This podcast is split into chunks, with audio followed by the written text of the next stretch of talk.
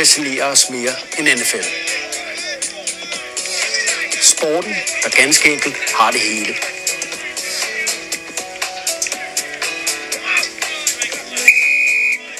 Et spejlbillede af selve den amerikanske sjæl.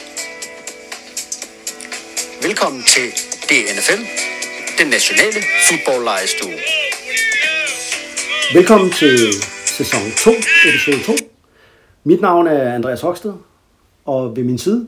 Der sidder Eller, jeg. Ja, der sidder du. Det gør jeg. Min medvært, Anders. Anders. Hej. Anders Skovgren. Du, øh, ja, du var jo med første gang sidst. Det var jeg. Hvordan synes du selv, det gik? Øh, jeg, synes, øh, jeg synes, det gik meget godt. Vi havde lige lidt tekniske vanskeligheder, men det må man godt første gang, ikke? Det er Ronny skyld.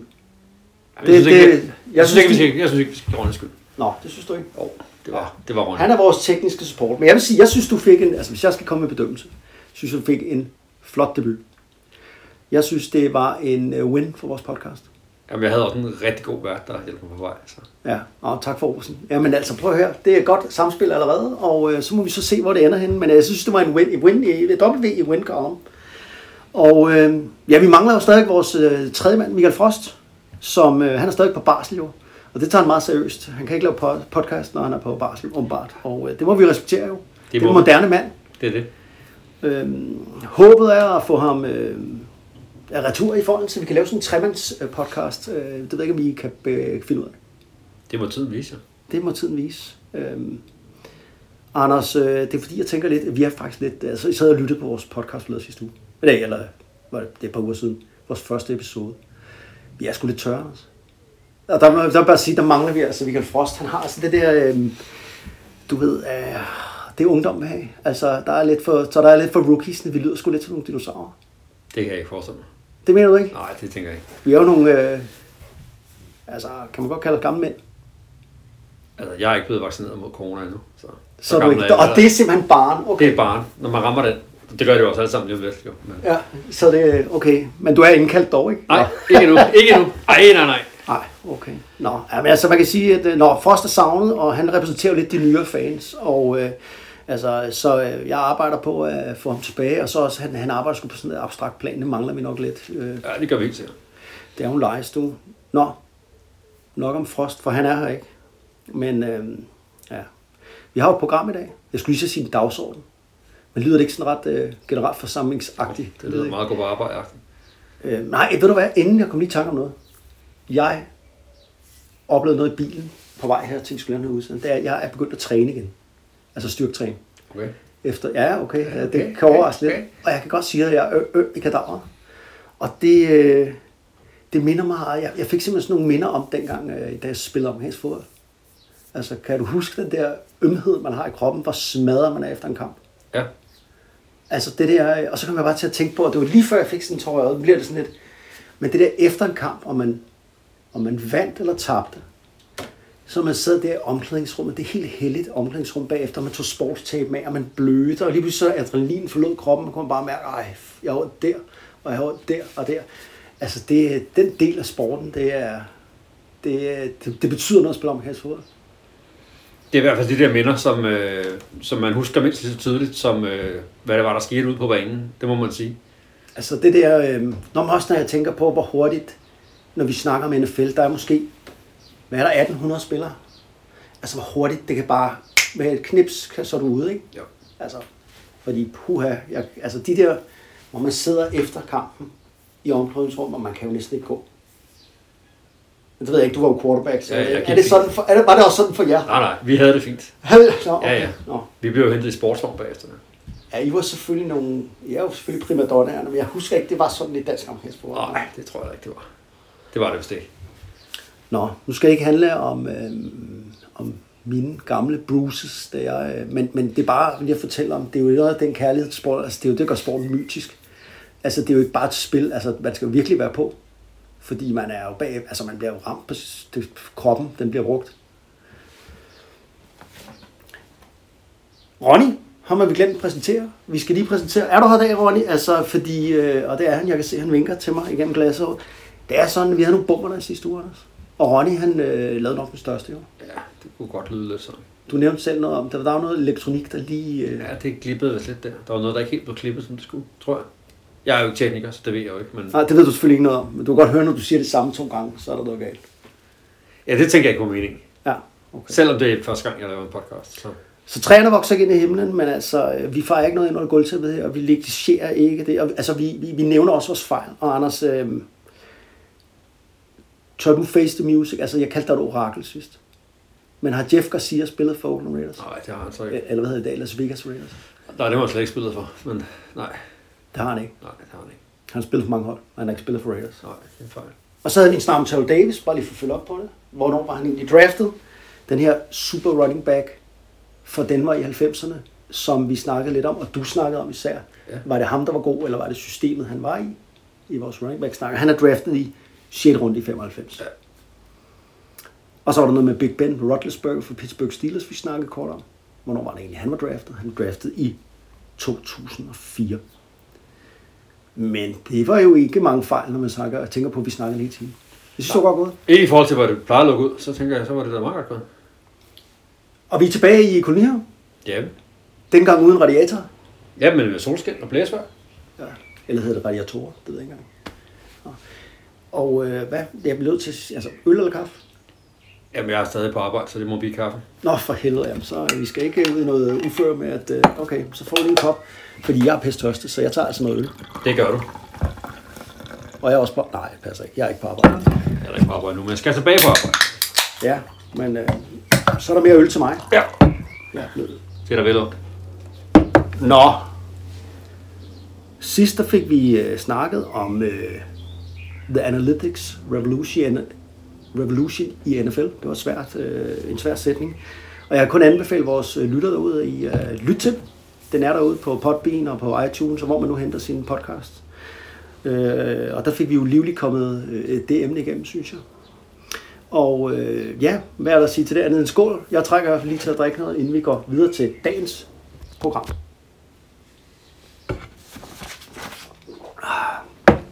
Og dagens program øh, i dag lyder således, at vi kigger 10 år tilbage i tiden. Vi genbesøger simpelthen 2011-draftet. Og vi sammenligner det, eller øh, sætter det op imod 2021-draften, som lige har været der jo. Og øh, så har vi et punkt bagefter, der hedder, hvor vi snakker lidt om øh, øh, årets schedule, altså kampprogram, der er kommet ud. Det kom ud i sidste uge. Og der var 17 kampe i år for første gang i NFL's lange historie, altså en ekstra kamp i den regulære sæson. Så vender vi et punkt, der hedder Andreas' anekdoter, og det har du stjålet i dag. Ja, det blev til Anders' anekdote i dag. Andres anekdote, det lyder lige så godt som Andreas' anekdoter, synes jeg. Det er meget godt med det der A der. Ja, det kan noget. Ja, det Kan kan noget. Så vender vi uh, Mickey Schuler. Hvem er Mickey Schuler? Det var den her end for New York Jets, det vi skal berette om, som vi vil, vi vil udpeget i den magiske fodboldbog øh, i episode 1. Og, øh, og så skal vi selvfølgelig vælge en ny spiller. Så vi har et loaded program, og øh, jeg synes straks, vi skal hoppe ud i hovedtemaet.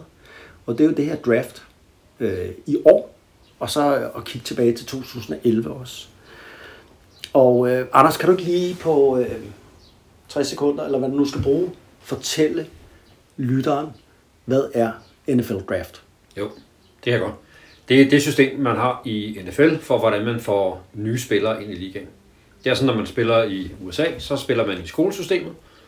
Og det vil sige, at man spiller high school, og så spiller man college. Og når man er færdig med college, er man så god nok, så kan man få et job i NFL. Og det gør man ved, at det år, man er færdig med college, så bliver der afholdt et draft, altså et valgsrundesystem, hvor NFL-holdene vælger spillere, som de gerne vil have til at spille for sig. Det er syv runder, det vil sige, øh, alle hold får lov at vælge øh, syv gange. Det er i virkeligheden otte, fordi der er noget ekstra, der kommer ind, men det gør det bare indviklet. Ja. Øh, princippet er, at dem, der var dårligst året før, altså vandt færrest kampe, får lov at vælge først. Mm. Og det gør de i første runde, og så kører man hele vejen igennem, og den, der vælger nummer 32, det er dem, der vandt Super Bowl, som var Tampa Bay i sidste år. Og så gør man det samme i en runde 2, og så videre. Så lidt en, næsten en, nej det tør man næsten ikke sige, en socialistisk tankegang om, at alle skal være lige. Altså der skal være den her, det dårligste hold får lov til at være første vælger. Ja, Ja. det må man sige. Og øh, jamen, øh, tak for det. Og lad os da hoppe ud i, øh, i 2011-draftet, fordi det er jo 10 år siden. Så det kan vi jo kigge tilbage på, og hvad, hvad blev det egentlig til det? Og det vil jeg da gerne fortælle lidt om. Altså nu, så virker det som om, at øh, når man kigger tilbage på det, at 2011-draften var en af de bedre drafts sidste 20 år. Øh, det vidste man bare ikke dengang. Og det vidste man ikke, fordi at når man gik ind til draften, jamen selvfølgelig var der nogle gode spillere, men, men, men der var ikke den her ene eller to spillere, hvor man tænkte, der er simpelthen det her supertalent. Altså der var ikke en Michael Vick, eller en Peyton Manning, eller en, som vi så i år, en Trevor Lawrence. Det kommer du jo ind på, om han måske er sådan en generational player, som man snakker om. Det var der altså ikke i 2011. Øh, Så der var ikke den her klare nummer et valg. Så det var faktisk rigtig spændende om, hvem vil egentlig øh, blive draftet nummer et. Øh, så var det også lidt specielt i 2011. Der var sådan en, en lockout. Altså, der var øh, øh, altså, over, problemer med overenskomsten, der var udløbet med ejere og spillere. Og det betød sådan set, at alle de her trades, man normalt ser, øh, det kunne man ikke under det her draft. Så det var meget, kan man kalde det et rent draft. Det ved jeg ikke, man kan kalde det. Der var ikke så mange muligheder for at navigere for klubberne til at bytte rundt og lave, øh, du ved, hvis jeg får dit pick, så kan du få en spiller af mig og sådan noget. Det kunne man ikke. Øh, Så det var sådan en lille note til 2011 draft. Øhm, men inden vi, altså man kan sige, øh, okay, øh, især defensive end og offensive line, og også lidt receiver, det var det, der var øh, ligesom de positioner, der var meget talent på i 2011. Inden vi kommer ind på 2011, så kan jeg godt tænke mig at vende og kaste sparken over til dig. Og så sige, hvad, hvad så med det her 2021? Altså, hvordan ser det draft ud? Sådan Ja, set inden draftet, og nu, altså, hvor, hvor, hvor er vi henne talentmæssigt? Øh, jamen det var et draft, hvor som de sidste mange år har det været quarterbacks, der har været det helt store samtale. Det har selvfølgelig været anført af Trevor Lawrence, som har spillet for, for Clemson, som var målbetegnet som det, du også nævnte. Den her flotte Adonis med det lange hvide hår, lyse hår. Ja, ja, og pandebold og sådan noget. Hvis, dem, der så... Øh, hvis man over hører det her, inden der er Grand Prix, øh, international europæisk Grand Prix på lørdag, så kan man se, at øh, ham, den øh, norske, der har øh, musiker, der er med, der har valgt at have et par vinger på ryggen, men han øh, har også langt øh, gyldent hår og et flot pandebånd på. Nu bliver han, vi simpelthen nødt til at se, med, hvornår var det selv var? På lørdag Og der er en nord- nordmand, der ligner Trevor Lawrence med. Ja. Det skal ses. overfører sig, minder lidt sådan om øh, ham der kulddreng, men ligner Trevor Lawrence. Nå, okay, jamen det kan vi da ikke være foruden. Det kan Det er jeg et mix af temaer i vores podcast. Ja, ja. Nå, men udover ham, som ja. er, er jo beskrevet øh, forløbet som værende på niveau med, med Andrew Locke og Peyton Manning og John Elway, altså de allerstørste quarterbacks, ja. vi har set i, i vores tid. Øh, så er det også et, et, et, et draft, der blev præget af andre quarterbacks, øh, hvor, øh, hvor man for første gang i rigtig mange år havde de første tre picks var, var quarterbacks. Ikke bare var det Trevor Lawrence, men det var også øh, to andre end øh, Zach Wilson fra BYU og Trevor Lance, eller Trey Lance fra North Dakota State, ja. som alle sammen blev draftet øh, 1, 2 og 3. Og, Det viser nok lidt det der, du talte lidt i sidste, det der med, hvor vigtige quarterbacks er. Altså, Ja, det, det er i hvert fald blevet øh, rigtig meget en, øh, en, en kasteliga, og man kan jo se, at de senere år, at det her med at have en quarterback, der kan løbe, Ja. øh, er jo også begyndt at betyde mere og mere. Man kan sige, sådan en hybrid-type, eller det kan man ja, ikke, det har i hvert fald været stort i college i mange år, og NFL ligner mere og mere college øh, over Ja. ja. tid. Øh, de der klassiske NFL-systemer bliver der ikke, øh, bliver der ikke spillet så meget øh, af mere. Øh, men hvis vi nu skal tale om det der med en, med en quarterback, som både kan, kan kaste og løbe selv, så var det vel en af stjernerne i, i 2011. Ja, ja, fordi det endte jo med i 2011, at den, der så blev draftet nummer et, det var jo øh, Cam Newton. Og det var jo netop, ja, han er jo øh, vel øh, en af de første af den her nymodens quarterback, der både kan kaste, men han er jo en ordentlig skideskur, øh, må man sige, og kan løbe bolden selv, og øh, er jo et eller andet sted, øh, ligner en stor fullback nogle gange, altså virkelig svær forled ned også. Men han blev draft nummer et, ja, i 2011 af Carolina Panthers. Og der kan man sige, at han var ikke den quarterback, man havde øh, eksperterne havde i kiggerne som nummer et. Øh, jo, de kunne godt se hans talenter. Men, men han kom jo fra college, og hvor øh, på det tidspunkt, 2011, jamen, der passer han måske ikke helt ind i alle de her pro-systemer. Og det har jo så ændret. Han har nok været en af forgangsmændene til den spillestil, vi ser i dag. Og han spiller jo stadig. Ja, nu må vi se. Han er oppe i New England. Må ikke han gøre det? Han, øh, ja, han blev draft nummer et. Og det interessante ved ham er, hvorfor øh, var det sådan lidt overraskende? Jamen det var det, fordi at øh, nu kender vi jo Cam Newton, men han har jo her, den her specielle arrogance omkring sig. Og det var sådan meget, da han skulle ind i draften. Ah, tør vi satse på ham, fordi han er så arrogant, og han er sær, og han, han er lidt for speciel. Øh, kan han, er han, hans hoved for stort, hans ego for stort? Men, øh, men det kan vise sig jo, at øh, altså, han har jo leveret i NFL. Øh, har været i Super Bowls og været MVP i NFL. Så han var den, der blev draftet først, og der kan man sige, øh, det, det er jo nok noget af det. Øh, er der nogen hold, der leder efter de samme typer i dag? Det er der måske. Ja, det synes jeg rigtig meget, at, at, øh, at de gør. Altså man kan sige, øh, øh, en spiller som Trevor Lawrence er selvfølgelig først og fremmest kendt for hans kastekvaliteter, men er bestemt også en, der, der selv kan skabe noget med, med, med benene. Og det er de andre faktisk også. Og hvis man, øh, der blev alt draftet fem quarterbacks i første runde, Ja, det er i vildt. top 15. Ja. Øh, og de fire første af dem er alle sammen øh, atleter. Øh, hvorimod, at man kan sige, ham der ville vi være blevet, nok ville være blevet draftet nummer et i, i 11 eller, eller deromkring.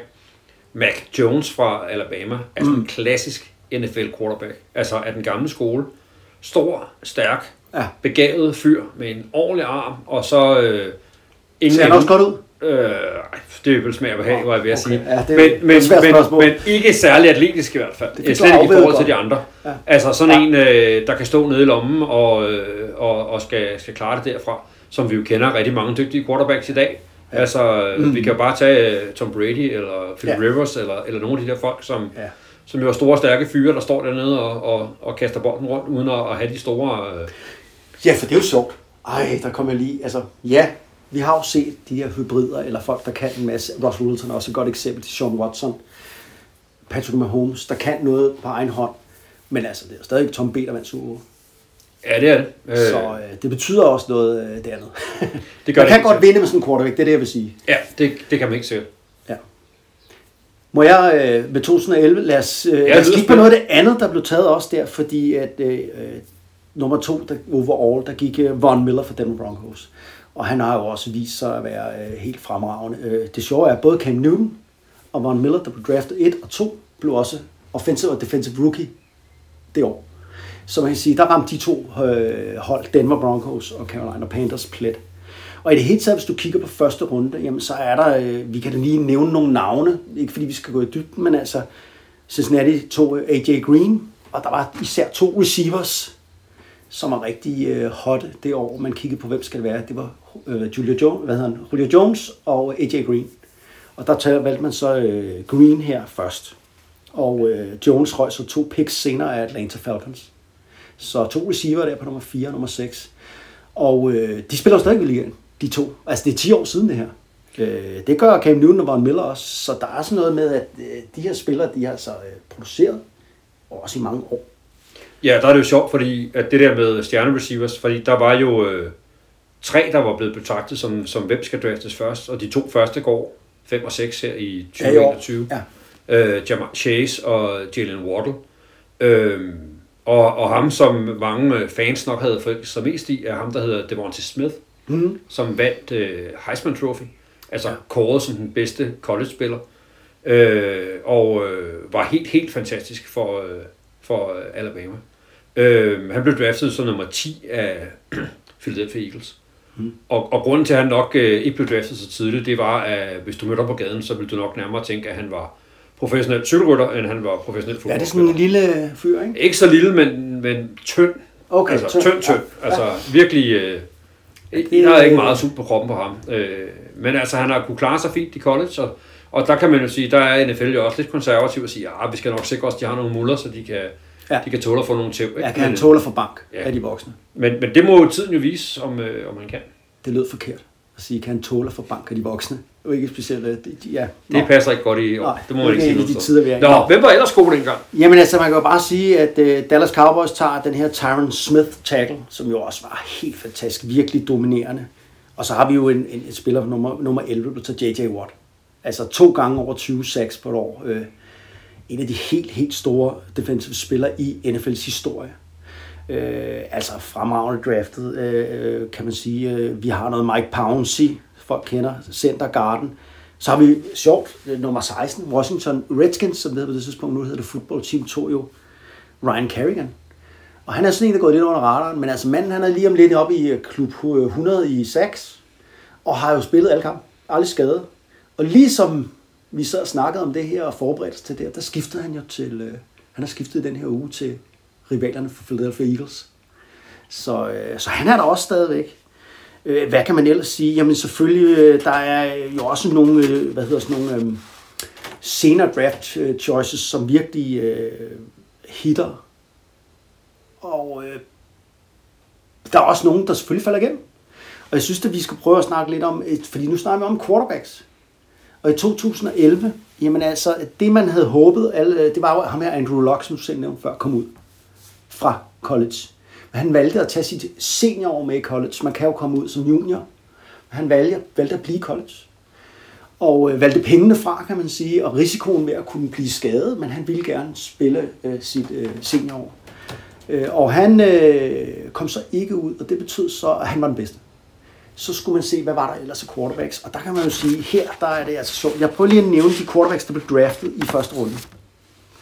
Og det var jo øh, blandt andet, øh, nu skal vi se, hvem der var den første. Det var Jake Locker. Og Jake Locker, han blev draftet af Titans. Og jeg ved ikke, om du kan huske ham, Anders? Det kan jeg sagtens. Han var så nummer to, ikke? Fordi vi havde jo ligesom Cam Newton som nummer et. Ah, undskyld. Ja, Ja, men han var ja selvfølgelig godt. Den næste. Yes, yes. Jake Locker blev ikke til noget som helst i NFL. Men var også en atletisk type, jo. Ja, men han var nok for lille og for spinkel. Altså, eller det lykkedes ikke for ham, eller så kunne han ikke. Men bare for at sige det her, at, at øh, det var jo ikke fordi, man øh, nogle gange, så nogle af de her NFL-hold, de er jo så desperat for hurtige quarterbacks. Og øh, hvis Jake Locker, han havde været med i årets draft, så tror jeg altså ikke, han var draftet i første runde. Det er bare ked at sige. Nå, han, også fordi han havde været så gammel, som han så ville være. Åh, oh, Anders, du er, du er Kæft, det er sjovt. Ja, det var bum tsch. Nå, men altså, Carolina Panthers valgte jo, deres scouting-afdeling gjorde jo bare det rigtige, og kunne se, at Cam Newton var det rette talent for dem, og også ham, der var holdbar. Men i virkeligheden, alle scouting reports sagde, at det var Jack Locker, man skulle tage. Det to Titans, det blev ikke til noget. To picks senere, der tager Jacksonville Jaguars, den her Blaine Gabbert. Og øh, Blaine Gabbert var jo også, blev heller ikke til noget som helst overhovedet. Øh, han har fortjent mange penge, men han har virkelig ikke produceret noget som helst. Og har jo de sidste mange, mange, mange, mange år i NFL eksisteret, men været tredje backup og backup rundt omkring. Ja, det er nok en meget god karriere. Man får ikke alle testene, men man tjener stadig en god skilling, ikke? Jo. Og øh, altså, så det man kan sige, fuldstændig blæst forbi, skudt forbi på de her quarterbacks. Og så, øh, så kommer øh, Minnesota med 12. pick i 2011 her, og der kan de jo se, shit mand, der er jo allerede råd tre quarterbacks. Så vi tager ham her, Christian Ponder. Og øh, ja, jeg kan knap nok huske ham. Altså nu har jeg læst lidt op til det her på ham, men det, det, han blev heller ikke til noget som helst. Ham kan jeg godt huske, fordi han Nå. spillede øh, college for Florida State, som Ja. er mit favorit college. The Seminoles. The Seminoles. Øh, Og øh, der var han øh, en, en udmærket quarterback, men jo heller ikke specielt stor og ikke specielt stærk og ikke specielt en, en, en, en meget sympatisk, sympatisk mand, øh, har jeg indtryk af, at han var. Men, men, men det der lidt er i det, det, der, det er at sige, hvis jeg sådan skulle lave en sammenligning på de der fire quarterbacks, vi nu har nævnt fra 11 Ja. til 21, så kan man på visse områder godt sige, ham der bliver valgt nummer et, det ser fornuftigt ud. Det gør det også i, i 2021. Der er han nok Ja. et endnu sikrere valg. Men, men, og ikke for at fornærme nogen, og der er jo ikke nogen af de her for, folk, der forstår dansk alligevel. Men så vil jeg sige, at, at den skare af quarterbacks, der er draftet i år, der kommer derefter, altså Zach Wilson, øh, Trey Lance, Justin Fields og Mac Jones, øh, sammenligner sgu nok meget godt med, med, med dem, du har nævnt. Og de tre der. mene, okay, ja.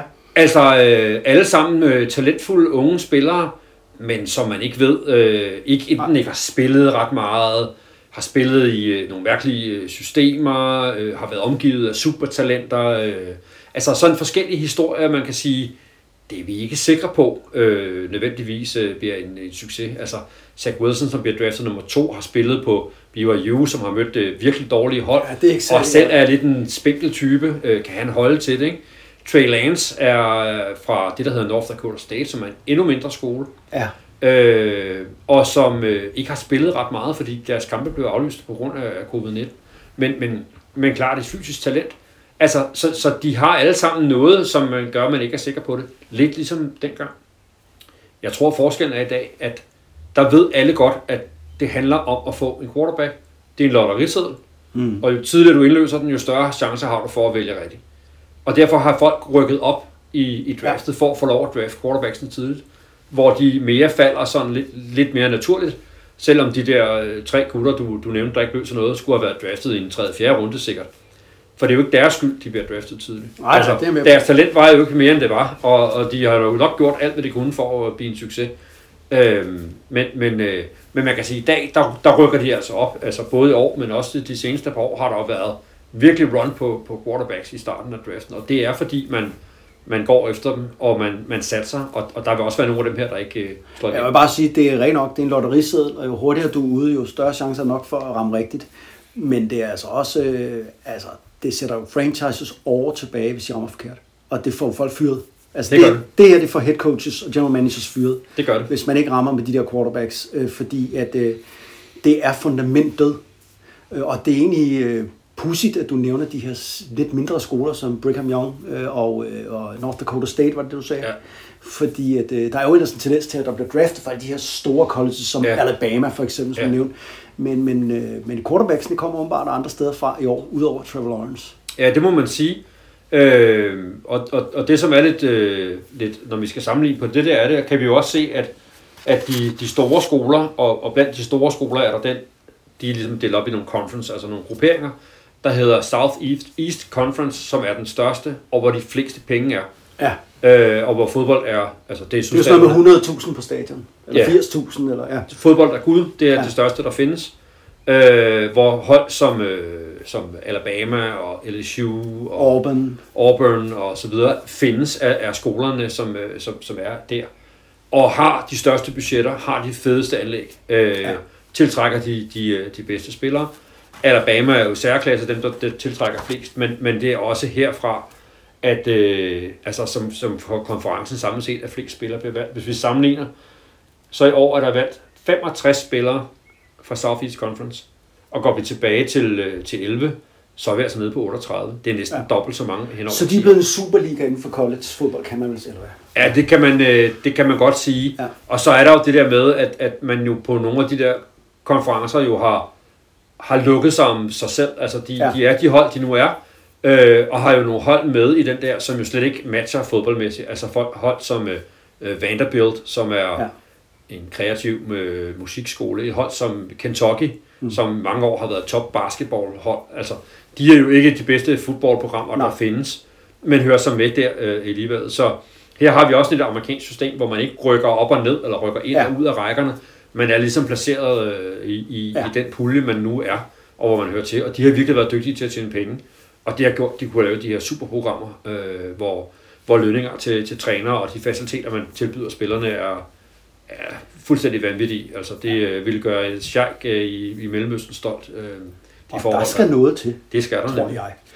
Altså man kan også sige, at øh, bare lige for, altså det er jo den her primært nede i den sydøstlige del af USA, også den fattigste del af USA, det er lidt interessant, men der er fodbold altså kongen. Det er det. Det er det helt sikkert.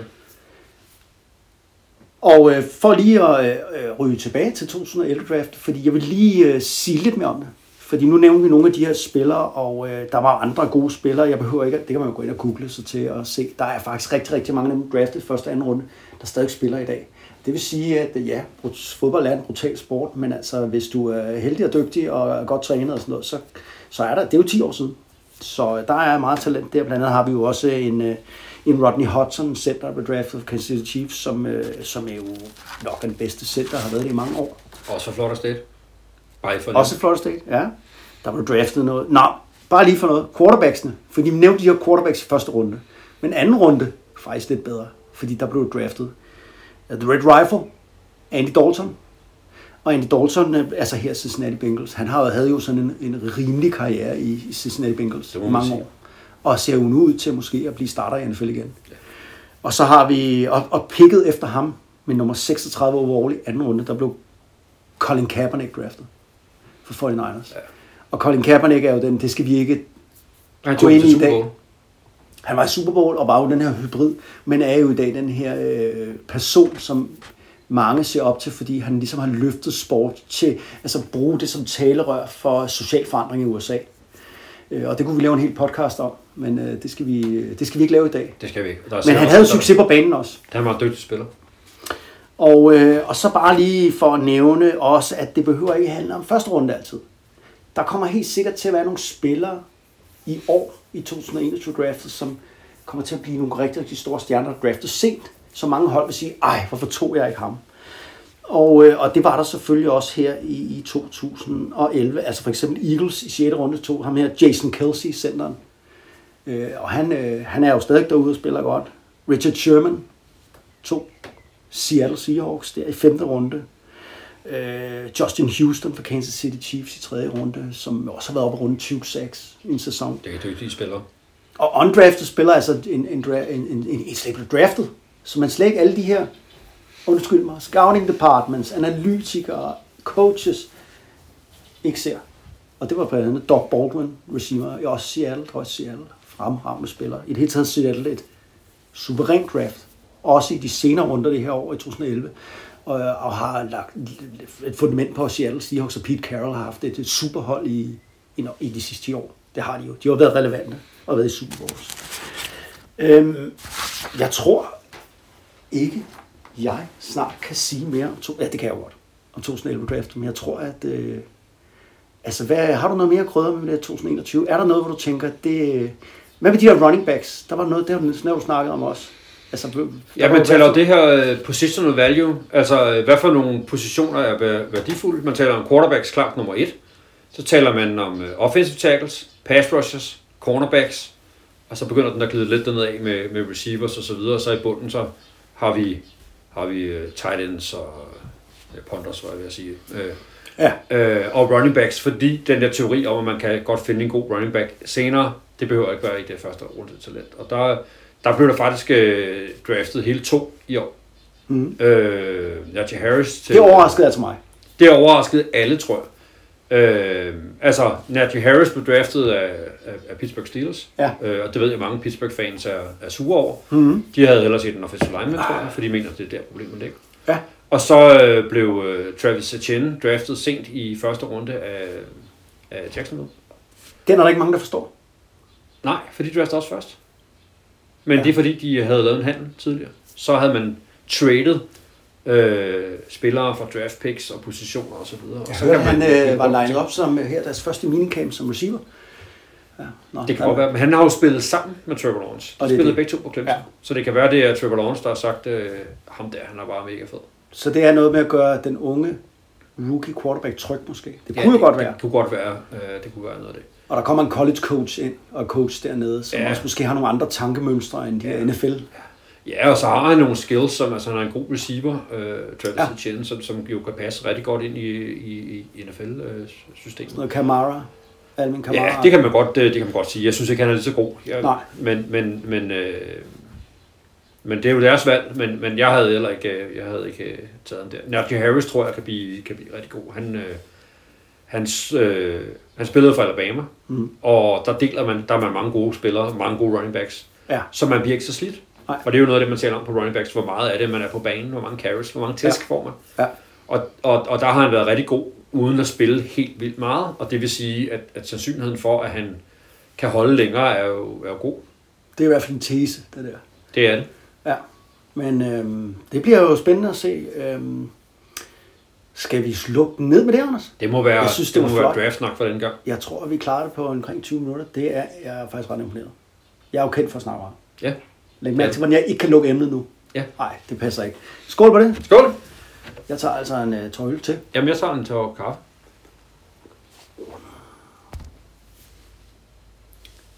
Nu skal vi til noget helt andet. Vi skal bare lige kort snakke om øh, udvidelsen af øh, kampprogrammet i år. Ja, det er rigtigt. Altså, øh, der kommer jo til at være en ekstra kamp i grundspillet. Sidste år udvidede man jo slutspillet med et ekstra hold. Ja, ja en ekstra kamp. Og et ekstra hold, der gik med i slutspillet. Og øh, har faktisk to ekstra hold ind i ja, det er du ret i. conference.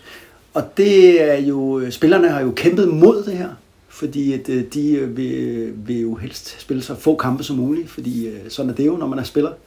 Men øh, NFL-ejerne har så fået trumfet det her igennem, samtidig med, at man selvfølgelig har lavet nogle aftaler med spillerne øh, om øh, om overenskomstmæssigt. Øh, så nu skal vi se det her. Og øh, det var dig, der ligesom sagde til mig, skal vi ikke lige nævne det? Og det havde jeg egentlig ikke tænkt over, fordi hvorfor er det så spændende? Men det er det jo, fordi at det har jo en indvirkning på for eksempel hvilke rekorder, personlige rekorder, hvad kan være på spil?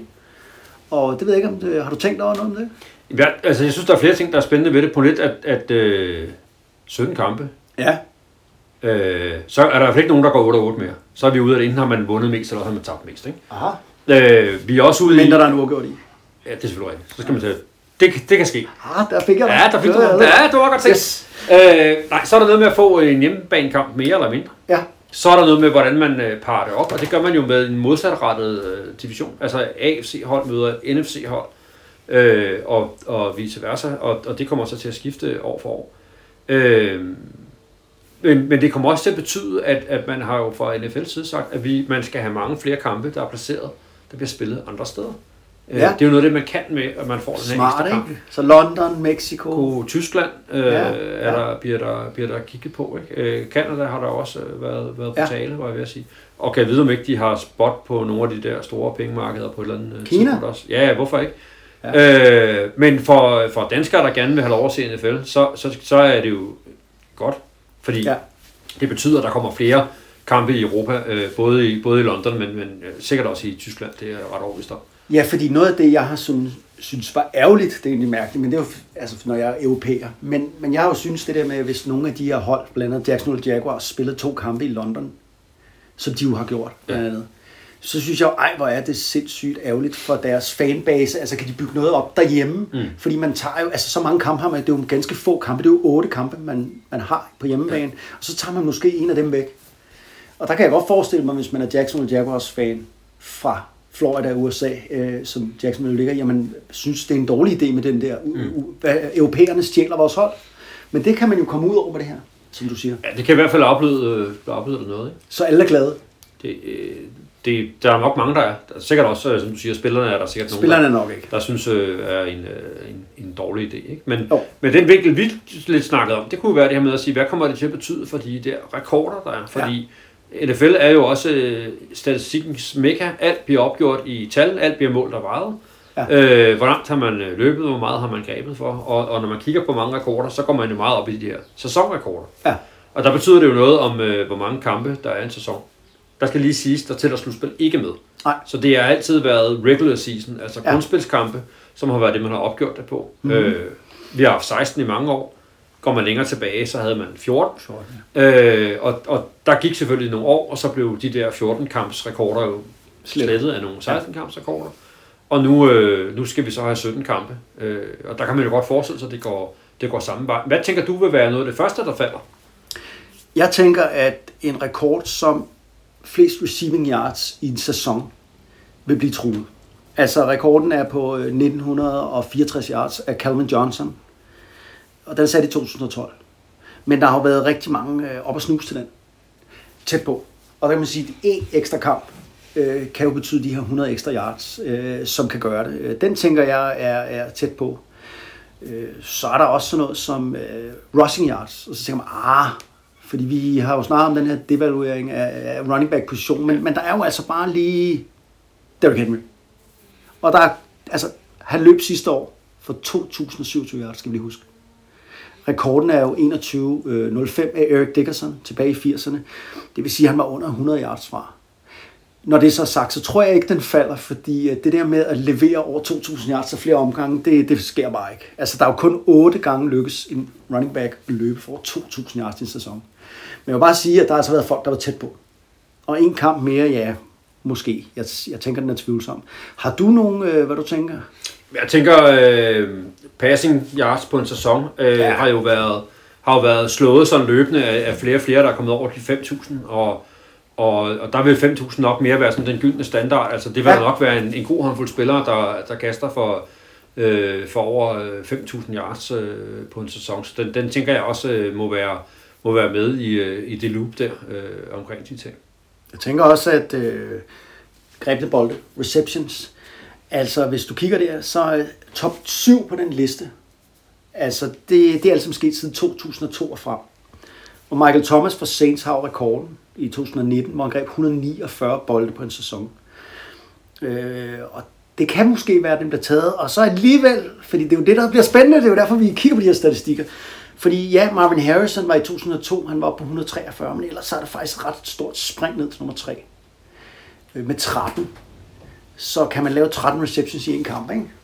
Det er det, der skal til. Ekstra, det. den ekstra kamp. Det er jo mange. Ja, det er det. Er ret svært, ikke? Så, øh, men altså, jeg tror, der vil ligge spillere op omkring de her 140 receptions, og så er vi oppe og kunne lugte, ikke? Ja. Så er der også det, der er mere tvivlsomt. Altså for eksempel sådan en, bare for at nævne det, men altså sådan som interceptions, den kommer aldrig til at blive slået. Hvem er det, der har den der? Det er, ikke Night Train Lane. Det er det der. Det er Dick Rice, om det er 14 på en sæson, og øh, Det var før vi blev født. jeg ved ikke med dig, men det var før jeg blev født, og øh, du er lidt ældre end mig jo, lige for, bum, fik du den. Men ikke så meget som dig. Men altså, øh, Dick Night Train Lane har vi ført øh, øh, i sidste sæson, Anders. Der skal du lytte til nogle af de gamle øh, podcasts til National Football Live Studio. Der har vi snakket, snakket om Nick. Ja, hvad hedder han? Øh, ja, Night Train Lane. Dick Night Train Lane. Han lavede de her 14. Altså, øh, det er inden de nyere tid, der er Champ Bailey i 2006 og Ronda Barber i 2001. De har lavet 10. Og det er jo langt fra 14. Ja. Så, øh, så den tror jeg ikke på. Man passer simpelthen bedre på bolden. Men måske 6. Tror du på det? Altså, alt kommer jo over tid, men øh, jeg, jeg ser heller ikke, øh, altså, hvem er det for et, øh, hvem har vi, som, som har været... Tæt altså? Ja, men jeg tænker også, at dem, vi har, der er de store seks-stjerner, er, er oppe i åren, ikke? Altså J.J. Watt, Jo, øh, jo. Von Miller, øh, mm. som virkelig har leveret nogle øh, imponerende tal, hvad det der går. Altså, jeg ved godt, at Aaron Donald er god, ja. men, han, men han er så selv en indvendig øh, defensiv linjemand, og der er det altså sværere at lave øh, rigtig, rigtig mange seks for, ikke? Altså man kan jo sige, at rekorden er jo for meget, øh, for meget debatteret. Fordi den er jo på 22,5 sack. Et halvt sack er jo, når der er to spillere, der rammer quarterbacken samtidig, så får de et halvt sack hver, eller to eller flere. Mm. Men øh, 22,5 sack af Michael Strahan fra New York Giants. Og mange siger jo, at Brett Favre forærede ham det der sack i en kamp sidst på en sæson, hvor øh, han blev så ligesom fanget af Michael Strahan, så han fik rekorden. Det er der en masse, der øh, har snakket om. Mark Gastineau, som vi også har holdt et langt snak om her i podcasten, han var jo sur over det, for han havde en tidligere så det var en foræring. Men når det er så sagt, inden for de sidste par år, så er der jo spillere, der er snus til den. Altså J.J. Watt har jo været op på 20,5 sack to gange. Vi har en Justin Houston, der har været over 20 sacks. Og vi har en Aaron Donald, der også har været over 20 sacks, selvom han er interior, hvilket er helt absurd. Øh, Men, men det er jo det der med, det er jo æl- ældre spillere, som siger, undtagen Donald. Og han er interior. Ja. Må det ikke, at han kommer til at ligge nærmere mellem 12 og 15 på en god. Oh, det vil jeg også. Men altså, den, øh, den kunne godt falde også. Men øh, ja, det er jo nok de der passing-rekorder, som øh, vi vil se blive knækket, måske. Det kunne det godt tyde på. Og man kan også sige med, med den store attraktion af, af quarterbacks og, og receivers, der for eksempel har været i årets draft. Ja. Altså, øh, de syv første spillere var alle sammen øh, offensive spillere. En af dem var linjemænd, resten var quarterbacks, receivers eller tight ends. Ikke? Altså, der er virkelig tryk på, på øh, at score nogle point. Og det synes de fleste jo som fans er underholdende. Ja, Øh, så, så der kunne sagtens være nogen der, der kunne være med til at, at slå nogle rekorder. altså det bliver spændende at se. Og øh, for øvrigt lige for at runde det her af med det her schedule, der kommer jo til at være 18 spilleuger, så alle sidder over en spilleuge. Og det har der faktisk været en gang før. Øh, i, to, eller slår I 1995, der havde man to spilleuger, hvor man sad ude. Så der spillede man 18 spilleuger med kun 16 kampe. Havde man ikke også det i øh, 2001 med 9-11? Endte der ikke med at være to? Det øh, må vi undersøge. Det Der er kan lidt øh, til at slå op i. Ej, det, eller så kan I selv lytte, kære lytter, det bliver I nødt til at Hvad hvis jeg gør det til en tradition, når vi har noget, vi fabulerer om, men ikke er helt sikre på, som vi kan tjekke op til næste gang? Ja, så det husker vi. Det husker Ronny, den øh, får du lige noteret på notesblokken, at vi skal, om der var 18 spiluger i 2001 på grund af 9-11. Ja. Det mener Anders skal huske. Samme år Jeff Garcia spillede for, ikke Raiders, men for Niners. Ah, jeg er En, sidste, en Ja, sidste ja, ting omkring ja. det der schedule. Øh, så er der nogen, der tænker, hvornår er det så, vi, øh, vi går i gang med, øh, med det? Øh, betyder det, at sæsonen starter tidligere? Nej, det gør det ikke. Det betyder, at sæsonen bare længere. Det starter stadigvæk øh, første søndag efter Labor Day. Øh, altså der, øh, det vil typisk være anden søndag i september, Ja, øh, hvor NFL starter op. Det passer med amerikanerne, der kommer tilbage fra, fra deres ferie, og skolerne er begyndt igen. Og så kører man altså så i 18 uger med en bye week for hver hold. Øhm, og det vil sige, at alting bliver skubbet en uge, og det vil sige, at den der Super Bowl, der normalt har ligget først i februar. Ja. starten af februar, kommer altså en uge senere. Ja. Ja. Og det er der nok nogen i Europa, der synes passer rigtig dårligt i forhold til deres øh, vinterferie. I hvert fald den, der tager på, ski. Der er nok også nogen, der synes, det kan passe godt, fordi det, det bliver så weekenden. Men man tager øh, jo ikke på ski, når der er Super Bowl. Så er den jo afgjort. Ja, ja. Bum. Det er det. Og så kan man jo tåle, at det er en søndag, for så kan man sove, hvis man har fri den efter. Og det må være, øh, eller har du flere? Nej. Skal vi lade den ligge der? Ja. Og videre til næste emne. Ja. Så skal vi øh, til det, onkel A. Du, øh, det, det er jo mit punkt. Du har stjålet mit punkt. Andreas' anekdoter bliver til øh, Anders' anekdoter i dag. Nej, det er ikke mit punkt. Det kan vi jo øh, skiftes til. Men øh, vi skal høre en lille fortælling fra din fortid. Og øh, du fortalte om det her en eller anden dag, vi havde redaktionsmøde og snakke om, hvad vi skulle lave og, øh, og snakke om. Og øh, det blev jeg sgu, det synes jeg var en fed historie, så jeg glæder mig til at høre lidt om. Lidt om, vi skal høre lidt om Hawaii, vi skal høre lidt om run shoot, og vi skal høre lidt om øh, en øh, tidligere Atlanta Falcons head coach, June Jones. Og nu vil jeg øh, sætte mig tilbage i stolen, tage min øl, og så vil jeg lytte til Anders anekdoter. Ja, tak for det. Jamen, øh, i den her historie skal vi tilbage til, øh, til 2008. Øh, jeg havde fornøjelsen af at komme på et, et uges besøg på øh, det college i Dallas, der hedder SMU, Southern Methodist University. Og øh, det havde lige fået en coaching staff. Det havde fået... Kan du ikke, hvor ligger det henne? Fordi Dallas, det ligger i Texas. Dallas? Nå, du I sagde Dallas. Dallas. Undskyld, jeg synes, du sagde Texas. Jeg ved ikke efter. Ja, I Det Dallas, mig. i Texas. Nu er jeg allerede faldet i søvn. Det er ikke godt, nej. Der ligger det her universitet, ja. som er sådan et pænt øh, privat øh, universitet med gode øh, penge og så videre, så videre. Og det havde fået nyt coaching staff. Historien med SMU er, at det var det første og eneste hold nogensinde, der fik the death penalty i college fodbold. Lyder alvorligt. Det var det også. Øh, der var så meget snyd og brud på regler og så videre, så videre, så videre, at de blev bandlyst fra slutspillet. De blev bandlyst fra en sæson. De måtte simpelthen ikke være med i en længere periode. Og Fortæl var lige, hvad jeg snyd i, hvis man ikke kender til college. Hvad er det, de har gjort, som man ikke måtte? betalt spillerne for eksempel. Ja, for det er Altså givet dem løn for, Ja. at, øh, for, at, for at spille. Eller lad, lad et firma betale dem løn for at have et Ja. ja. arbejde nede på tankstationen. Så var det bare, at kom han aldrig på arbejde, vel, men han fik løn alligevel. Ja, okay. Øh, det er en lang historie, det kan vi altid dykke ned i. Og det er strengt forbudt. Og det er strengt forbudt, og det må man ikke. Og der, havde været, der var ikke grænser for, hvad de ikke havde gjort. Det kan vi snakke om en anden dag. De havde været super dårlige øh, lige siden. Øh, de havde været gode øh, før, op til det her. Og så, blev det, så fik de den her death penalty, hvor, hvor de ikke måtte alt muligt. Og så havde de aldrig rejst sig siden. Øh, og vi er tilbage i slut 80'erne øh, mm. med det her. Og så er det så lang tid siden. Ja. Ja, de har jo vores, øh, vi har jo talt om en af deres mest, nok deres mest berømte spillere nogensinde. Har vi det? Vi talte om øh, NFL rushing rekorden. Erik Dickerson? Erik Dickerson Nå, spillede han for. spillede der. Han spillede for The Mustangs, som ja. det hedder. Øh, nå, tilbage til 2008. Mm. Øh, de har fået et nyt øh, coaching staff. De har fået et coaching staff med June Jones i spidsen. June Jones er øh, en amerikansk øh, træner, som øh, har været mange steder. Han var også kendt fra sin tid i NFL, hvor han blandt andet var head coach for Atlanta Falcons Ja. og var kendt for at implementere det her system, der blev kaldt run and shoot. Og run and shoot er i virkeligheden en tidlig udgave af det moderne NFL. Man spiller med fire receivers, man har ikke nogen fullback, man har ikke nogen tight end, man står i shotgun, og man kaster hele tiden. Shotgun. Fortæl lige os det. Shotgun betyder, at quarterbacken står cirka 5 yards fra centeren, Ja. og centeren altså kaster bolden tilbage til quarterbacken, ja. som så har running backen stående ved siden af sig.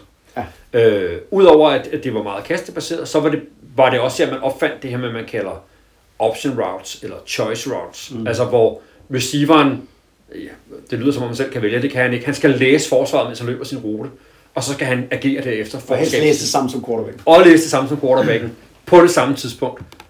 Fordi at det er jo timingspil, det her med at kaste bolden. Så det kræver en masse træning at, at blive god til det her. Og man scorede en masse point, og det var super underholdende. Det var det, det, det John Jones kan. Det er Ja. ja. det, han øh, har levet af. Så det er det, han har lavet en karriere på, kan man Ja, sige. det må man sige, han har været. Ja. Ja. Og udover efter han var i uh, NFL med en masse uh, berømte KF'er, vi kan nævne Jerry Glanville for eksempel, og Ja, andre fantastisk. øh, super originaler, der har været der, så havde han på et tidspunkt en, øh, en karriere på University of Hawaii, Ja. øh, som også havde været virkelig, virkelig dårlig øh, før det. Og det var han i en årrække op til og med 2007, hvor han så skifter til øh, Dallas, altså til SMU Dallas i 2008. Øh, og da jeg er øh, på besøg i Dallas, øh, der er en, en af deres trænere, der har haft arbejdet i Europa, som jeg kendte derfra, og havde fået lov at besøge. Så har jeg også et møde med, med, med, med Duke Jones, der er headcoachen, og vi snakker sådan om forskellige ting. Og jeg spørger sådan til, ind til at sige, men, men der, da I var øh, på Hawaii, øh, var I jo super gode. De smadrede alle rekorder. Og Det- meget overraskende, for Hawaii har jo ikke, altså det jo ligger jo der langt ude i Stillehavet, ja. så de har jo ikke den samme rekrutteringsmuligheder. Overhovedet ikke. Og, og øh, man kan sige, at nogen ville gerne tage derhen for det gode vejr og sådan noget. Ja. Det var der også nogen, der gjorde. Men, men øh, June Jones var i stand til at rekruttere både samoriske spillere, altså øh, folk, fra, der, der naturligt kommer fra den del af verden, men også en række andre talenter. Øh, folk, der var misfits andre steder, som enten ikke kunne opføre sig ordentligt, eller, eller havde andre med ting i bagagen, som kom derud. Og de fik over nogle år bygget det her superhold op, hvor stjernespilleren var en quarterback, igen, der hed Cole Brennan. Og når jeg siger var, så er det faktisk, fordi han er død. Han døde her den 11. Ja, det er maj, rigtigt, ja. øh, 37 år gammel. Øh, Det er jo en trist historie. Ja, det er det. Han, han døde på sådan et, øh, misbrugshjem. Øh, altså han var i rehab, øh, misbrug af hvis både narko og alkohol og så videre. Blev fandet, fundet be- bevidstløs og, og overlevede så, øh, så ikke det. Var han egentlig i NFL? Ja, det var han kort. Ja, okay. Øh, I øh, 2008 blev han draftet af Redskins, Nå, og var der et par år, og var lige forbi nogle training camps med nogle andre hold. ja. Øh, En trist... Øh, er en trist skæbne af en, af, en af fortidens øh, helte, det må man sige. Ja. Men i de der sæsoner, 5, 6 og især 7, var de ustoppelige. De scorede usandsynligt mange øh, point. Jeg var heldig i 2006 faktisk, og af den coach, jeg kendte derfra, og var på besøg i USA, og så dem spille et par udkampe. Jeg var ikke på Hawaii, men så dem spille et par steder på vestkysten, med det her fantastiske angreb, og den her superdygtige quarterback, øh, Cole Brennan, som satte alle mulige rekorder, især ja, de 2007. smadrede også gode hold, ikke? Altså nogle af de store hold. Jo, jo, de, de gik jo ubesejret i grundspillet i øh, rigtigt, 2007. Øh, og ender med at få en plads i det, der hedder Sugar Bowl, som er en af de store bowls, hvor de så skulle møde Georgia, som virkelig var tophold, og Ja. som smadrede dem. Ja. Men indtil da var de, var de helt fantastiske og havde været det der en overrække med det her system og med den her quarterback. Øh, nå, historien er den, jeg taler med June Jones på hans, øh, på hans fine kontor der i, i Dallas. Øh, og vi snakker om det der med systemet og hvordan de arbejder med det. Så, så spørger jeg til at sige, men, men der da I, I, I var så gode i, i øh, 6 og i 7 og sådan noget, øh, altså udover at I lærte spillerne systemet, så, så, så havde I en speciel playbook. Var der, var der noget, I havde gjort, altså her hvor man skriver ned, hvordan man vil spille og, og tegner det hele op. Havde I så noget særligt? Altså var det en speciel playbook, I havde der? Og så tænker han så lidt om, og så siger han, altså, ja, altså vi, ja, vi havde en playbook, men, men vi brugte den ikke rigtigt. Øh, fordi, altså vi havde jo, vi havde jo mange af de samme spillere, og Colt, quarterbacken, var jo med fra sidste år. Og han og jeg havde været så meget sammen på det her tidspunkt, at det behøvede vi faktisk ikke. Vi kunne kigge på hinanden, mig fra sidelinjen og ham inden for banen af, og så vidste vi, hvad det var, de andre gjorde, og så kendte vi, så kunne vi nikke til hinanden eller ryste på hovedet, for vi vidste godt, hvad løsningen var på det, de gjorde i de der systemer. Hvor er det Så- fedt at høre, hvad. Så vi brugte faktisk aldrig rigtig en playbook. Nej. Det var vores kemi, vores gensidige forståelse af spillet, og hvad, hvad der skete på, på banen, som gjorde, at vi, kunne, øh, at vi kunne spille uden en playbook. Sådan. Altså, det har jo været en helt speciel øh, dyade, de har haft der. Sådan, altså, et helt specielt bånd der. Men øh, det er jo fantastisk at høre om. Altså, øh, wow. Og ellers, der bliver man jo overrasket. Fordi man tænker, at alt det der, alt af de, de der coaches studerer, undersøger, ordner, analyserer i 16 timer i døgnet, og det ene og det andet og det tredje, og så fortæller du mig sådan set bare, at de gik ud og spille fodbold. Lidt. Ja. Altså, groft sagt. Ja. Han var også jo lidt en, altså June Jones har jo også været sådan lidt en rebel mod, hvordan Ja, han gjorde ja. tingene, og gået sine egne veje, og, øh, og så videre. Måske også derfor, han ikke øh, holdt i NFL, ikke? fordi Jo, han ikke var establishment og, og, og, og gjorde nogle ting på en anden måde, men, men, øh, men altså super spændende historier og, og, og, og spændende mennesker at, at, at møde. Og havde jo et fokus på at sige, men det handlede jo også om, hvad man kunne lære fra sig. Ja, Altså, det handlede ikke om, hvor stor en viden du havde som træner, men hvor meget du kunne lære af dine spillere hvor god er til at formidle. hvor god det er til at formidle. Ja. Øh, og der kan man sige, altså de har var jo fantastiske, fantastiske undervisere. Og den sidste krølle på den der historie, for der i 2008, hvor jeg var på besøg hos SMU, Ja. øh, som var ved at blive bygget op fra at have været et rigtig, rigtig dårligt hold til at blive bedre over nogle Ja, for år. så siger du, at de har faktisk været dårlige siden 80'erne og til, Ja. til 8. Ja. Ja. Og de var, heller ikke, de var heller ikke rigtig gode der i 8, men, men, men de var faktisk på, på rette vej, og de havde, de har faktisk to spillere på det der hold, som ham træneren, jeg kendte, var receiver coach, som jeg kom lidt tættere på, øh, som stadigvæk spiller i NFL i dag. Nå, Øh, den ene var Emmanuel Sanders, Åh, det er jo en fantastisk klassespiller. som var, deres store, ham. som var deres store stjerne på det her tidspunkt, øh, mens, øh, i det her år, øh, var virkelig, virkelig dygtig. Var skadet, så han trænede ikke så meget, men spillede, spillede rigtig, rigtig godt. Øh, og den anden spiller var en, øh, en, en førsteårsspiller, Cole Beasley, Ja, Øh, Nå, ja, han er der fra, Buffalo, ja. fra Buffalo var førsteårsspiller Nå. øh, for dem, og, og havde en meget spilletid. Og den kamp, den første kamp, jeg så dem spille, der øh, er de ved at spille mod Tulsa, der får Oklahoma et af deres rivalopgør. Øh, og på sidste spil, der taber han bolden i en zone, så de taber. Sådan. Ellers havde de vundet. Det var ikke det, han viste til det bånd, der fik ham i NFL. Det var hans start. Så øh, Nå. Ej, hvor er det... Øh... Se, det der, det er det, jeg skal høre mere. Jeg kan mærke, at jeg kan slet ikke få nok af det der, fordi du ved rigtig meget om college. Det gør jeg jo ikke. Jeg er jo sådan en øh, uh, NFL-mand, og, og det synes jeg, jeg er også rigtig fedt at høre om 2021-draftet, fordi det vidste jeg heller ikke så meget om. Uh, men uh, fed historie om June Jones, og uh, lige en krølle på det der, for ved du hvad? Nu vender jeg lige tilbage til NFL, ikke? June Jones, spread offense, run and shoot, Atlanta Falcons head coach. Han havde en 1000 yard rusher, og det er en, du aldrig nogensinde kunne regne med. Ved, ved du, hvem det var? ej, det kan jeg ikke huske. Craig Ironhead Hayward. Det er rigtigt. Han krydsede 1000 yards. Den her fede running back, på, der nok har vejet de der 270 pund. Han, øh, han, ja, Ja. han kom over 1000 Det var bare sådan et trademark i det der system, men man godt ville have sådan en choppy running back, der kunne bulle ind i folk. Ja, det var øh, smukt. Så øh, nå, jamen altså, tak for anekdoten. Velbekomme. Og, øh, nu skal vi have en kop kaffe til, Anders. Ja, lad os få det. skal, Jamen, det er jo det, vi snakker skal vel have om. noget tøj. Jamen, jeg har, jeg, jeg har drukket den jo. Du har drukket den, det er derfor, du bliver så glad. Det er den store øl, men nej, der skal mere til at gøre. Altså, jeg bliver glad det her i NFL, det er sgu ikke øllen. Det kommer bare træt. Og apropos Ironhead Hayward, så alt hænger jo sammen i NFL. Fordi vi har jo snart 2011 draftet, og der blev hans søn, Cameron Hayward, øh, draftet. Og det er jo den her fantastiske defensive end fra Pittsburgh Steelers. Med et øh, ligner faren, lidt for stort hoved. Hjelmen ser meget lille ud på ham. Og så er han sådan meget teatralsk og sådan noget, men han er, han er meget sådan, kom nu drenge! Øh, han, øh, han er jo leder der og har jo haft en meget større karriere, end, end farmand har haft. Men, øh, men det var endnu en krølle lige på, hvordan tingene hænger sammen. Nu skal vi til øh, den spiller, vi øh, slår op i bogen i sidste uge. Fordi der er jo 1800 cirka spillere i NFL om året. Og jeg må bare sige, prøv at tænke på lille nåløje. Prøv at tænke på mange, der gerne vil spille øh, i NFL. Hvor mange drenge i USA, der drømmer om det her. Der er 1800, og det er derfor, jeg elsker NFL og alle spillerne. For der er ingen dårlige spillere i NFL. Der er ingen dårlige spillere. Det kan ikke lade sig gøre at komme til NFL og være dårlig. Altså, så er man super, super, super talent. Og derfor, det, det er jo lidt det, der er grundlaget for, at vi tager den her bog, så slår vi op i alle de spillere, der har været i NFL, så peger vi ind i den, og peger på en spiller, fordi der må være en eller anden historie bag han. Altså, hvem er han? Og der gjorde vi jo det sidst, at vi ramte en spiller, og det var Miki Schuler, og vi sagde begge to sådan, var bare. Og jeg sagde det ikke så meget som dig, fordi jeg havde øh, jo lavet øh, en podcast sidste år om New York Jets, og der øh, kunne jeg jo huske, at Miki Schuler blev nævnt. Altså vi- fordi, øh, da Jets var store i 80'erne, der havde de jo, øh, udover selvfølgelig, da Joe Namath vandt øh, Super Bowl 3, ellers havde de jo sådan set været dårlige, men de havde lige sådan en opblomstring i 80'erne. Og der øh, var Mickey Schuler øh, en del af det. Og øh, nu har jeg jo dykket ned i, i ham øh, her til dagens program. Øh, og øh, han blev draftet i 1978, Mickey Schuler. Og øh, han, øh, han er Thailand. Og han, øh, man kiggede faktisk på ham og sagde, at han kan både blive draftet til NFL og NBA.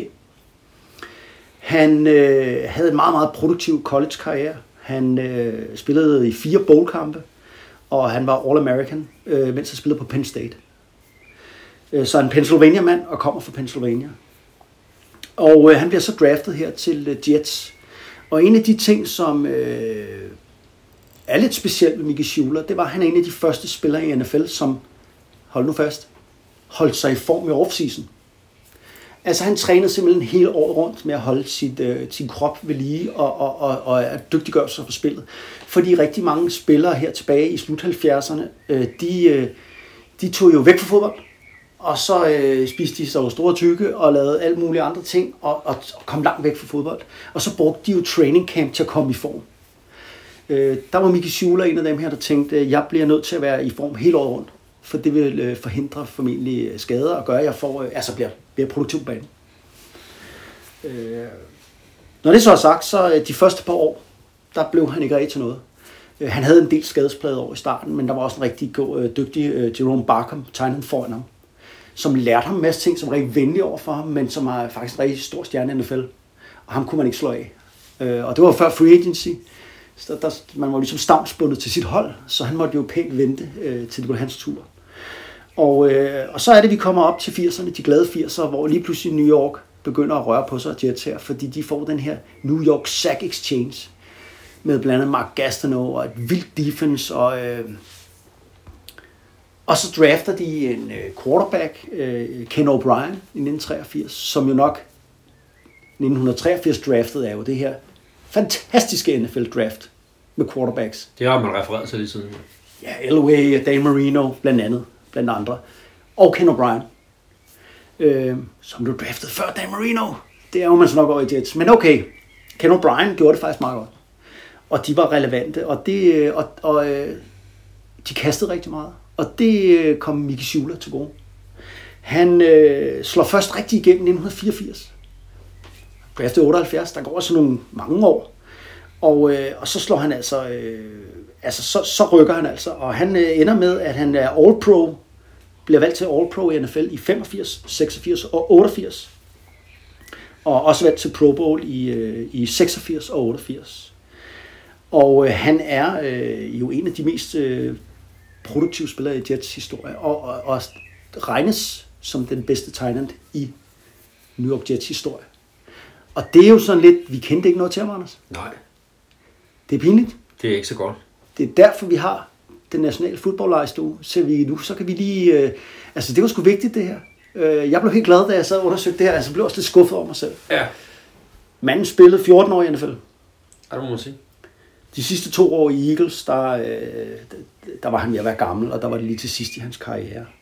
Men godt, vi kan trække ham frem og give ham øh, den øh, hæder og plads i nutiden, som han fortjener. Ja, og man kan sige, at han, øh, han har faktisk en søn, som øh, også har spillet NFL. Som også hedder Mickey Schuler. Det er jo meget normalt i USA, Ja. ja. det junior senior. Han havde ikke den samme succes. Han surfede lidt rundt nogle hold her midt i nullerne. Spillede også for Penn State. Men øh, lige det sidste, jeg vil fortælle om Mickey Schuler, fordi at, øh, jeg, vi kender sådan lidt alligevel til ham, uden vi vidste. Lawrence Taylor, altså linebackeren for New York Giants i 80'erne, den mest frygtede forsvarsspiller måske i historien. Der er jo en masse klip med ham, som alle kender fra alle de her NFL-films og på YouTube. Og der er blandt andet et klip, hvor han råber og skriger ud på sidelinjen, at han spiller, han vil give nogle bank og smadrer dig, og folk tænker, shit mand. Og det er faktisk Mickey Schuler. Det er Mickey Schuler, han råber af. Og Mickey Schuler, han har øh, sådan en og rygte for, at han var ikke den største og ikke den hurtigste, men han bakker aldrig ned for slagsmål. Og han havde altså cutblokket øh, LT en gang for meget af den kamp der, Lawrence Taylor. Og det var altså sur over. Så nu står han til røvfuld. Og øh, jeg ved ikke, hvad den endte med, men må ikke, at Lawrence Taylor nok vandt den dyst. Øh, det var øh, om Mickey Schuler, og øh, jeg tænker, at øh, vi kan lige så godt ryge over til... Vi skal trænge en ny spiller, Vi skal trække en ny spiller. og øh, øj, her er alle papirerne, Anders. Nu skal vi se, hvad fanden... Øh, er du klar til den store, den magiske fodboldbog? Og den er virkelig stor. Den er stor, den er tung. Øh, Jeg har heldigvis gået at træne, Ja, så er nu godt, er det ellers ikke noget problem at bære Ellers den. har vi aldrig fået den med. Jeg ved ikke med dine øh, lidt tynde arme, om du kan bære den. Det tror jeg, jeg kan. Vi får se. Øh, I kan jo ikke se, lytter, men I må, I må tro på os, I kan høre. Der er noget papir her. Er du klar? Er helt Er klar. det, er det dig, der bladrer igen? Ja, jeg prøver at bladre ind. Det er jo sådan, hvis det er sådan, ja, vi prøver, hvis det er en, der har spillet én kamp, så hopper vi om over. Det var all time Ja, du skal- ja, Ja, du skal- derovre. Vi skal helt her frem lidt tidligere i det her. Så er der ikke snyder, vel? Nej, Nå, det er godt. jeg tænker, at øh, vi er nået til Preston Pearson. Preston Pearson, Preston Pearson. må jeg, du sidder nu i bogen her. Er det lov, noget receiver? Nej, Ej, satans, det sats. Nå, det er han ikke. okay. Preston Pearson. Preston Pearson. Jeg glæder mig, altså, det bliver spændende at se, om der er Han noget... var running back. Okay, hvad, hvad tidsalder er vi i? Øh, 70'erne primært. Faktisk fra 67 til 1980. Hallo? Mm. Igen kan det være, vi bliver overrasket. Det er jo mange år, det der. Det er 14 år. Mm. Okay. Nu skal du ikke røbe for meget om ham. Det men, øh, ah, kan du ikke sige et hold? Men han har spillet... Øh, Mange hold. nej, han har spillet for tre hold. Nå, Øhm, men er nok mest kendt for sin tid i Pittsburgh, hvor han var i fem år. Ej, og det er der, de Anders vinder Super Bowls er helvede til. Fra 70 til 74. Jeg er sikker på, at det bliver fantastisk. Så ham glæder vi os til at snakke om. Preston Pearson. Nu må du ikke lukke bogen, så kan vi Preston huske det. Pearson. Preston, Preston, Preston Pearson. Nå. Jamen, så er vi vel øh, ved at være ved vejs ende, er vi ikke det? Tror jeg, vi er. Og du skal, øh, Ronny, du skal lige, øh, vi skal finde øh, et lydklip og slutte dagen på, jo. Fordi nu Nu har lukker jeg jo bogen alligevel. For helvede. Gjorde du det? Jamen, jeg Jamen, vi kan jo lytte Nej, nej, jeg vores, finder ham nu. Åh, det Ja. var godt. Altså, øh, sidst der hørte vi jo et, øh, en outro af øh, The Holy Roller. Kan du huske det? Det kan jeg. Det var til ære, fordi du er jo Raiders-fan. Det var også en fornøjelse. Og det var jo det her fantastiske, mytiske spil, hvor vi hørte radiokommentatoren. Øhm, ja, den her fumble fremadrettet, som Raiders læ- lægger sig på mod Chargers og vinder fodboldkampen, og siden har fået en regelændring i regelbogen, fordi det der med at fumble med vilje fremad, og en anden lægger sig på, det skal man jo helst ikke øh, sådan. Det går ikke. Det må man ikke. Nej, det bliver noget, det bliver noget råd. Så nu, øh, Ronny, jeg kigger ud på dig, og øh, nu skal vi spille noget, nu må vi se her, noget, øh, vi skal høre noget om Jets til ære for Mickey Schuler.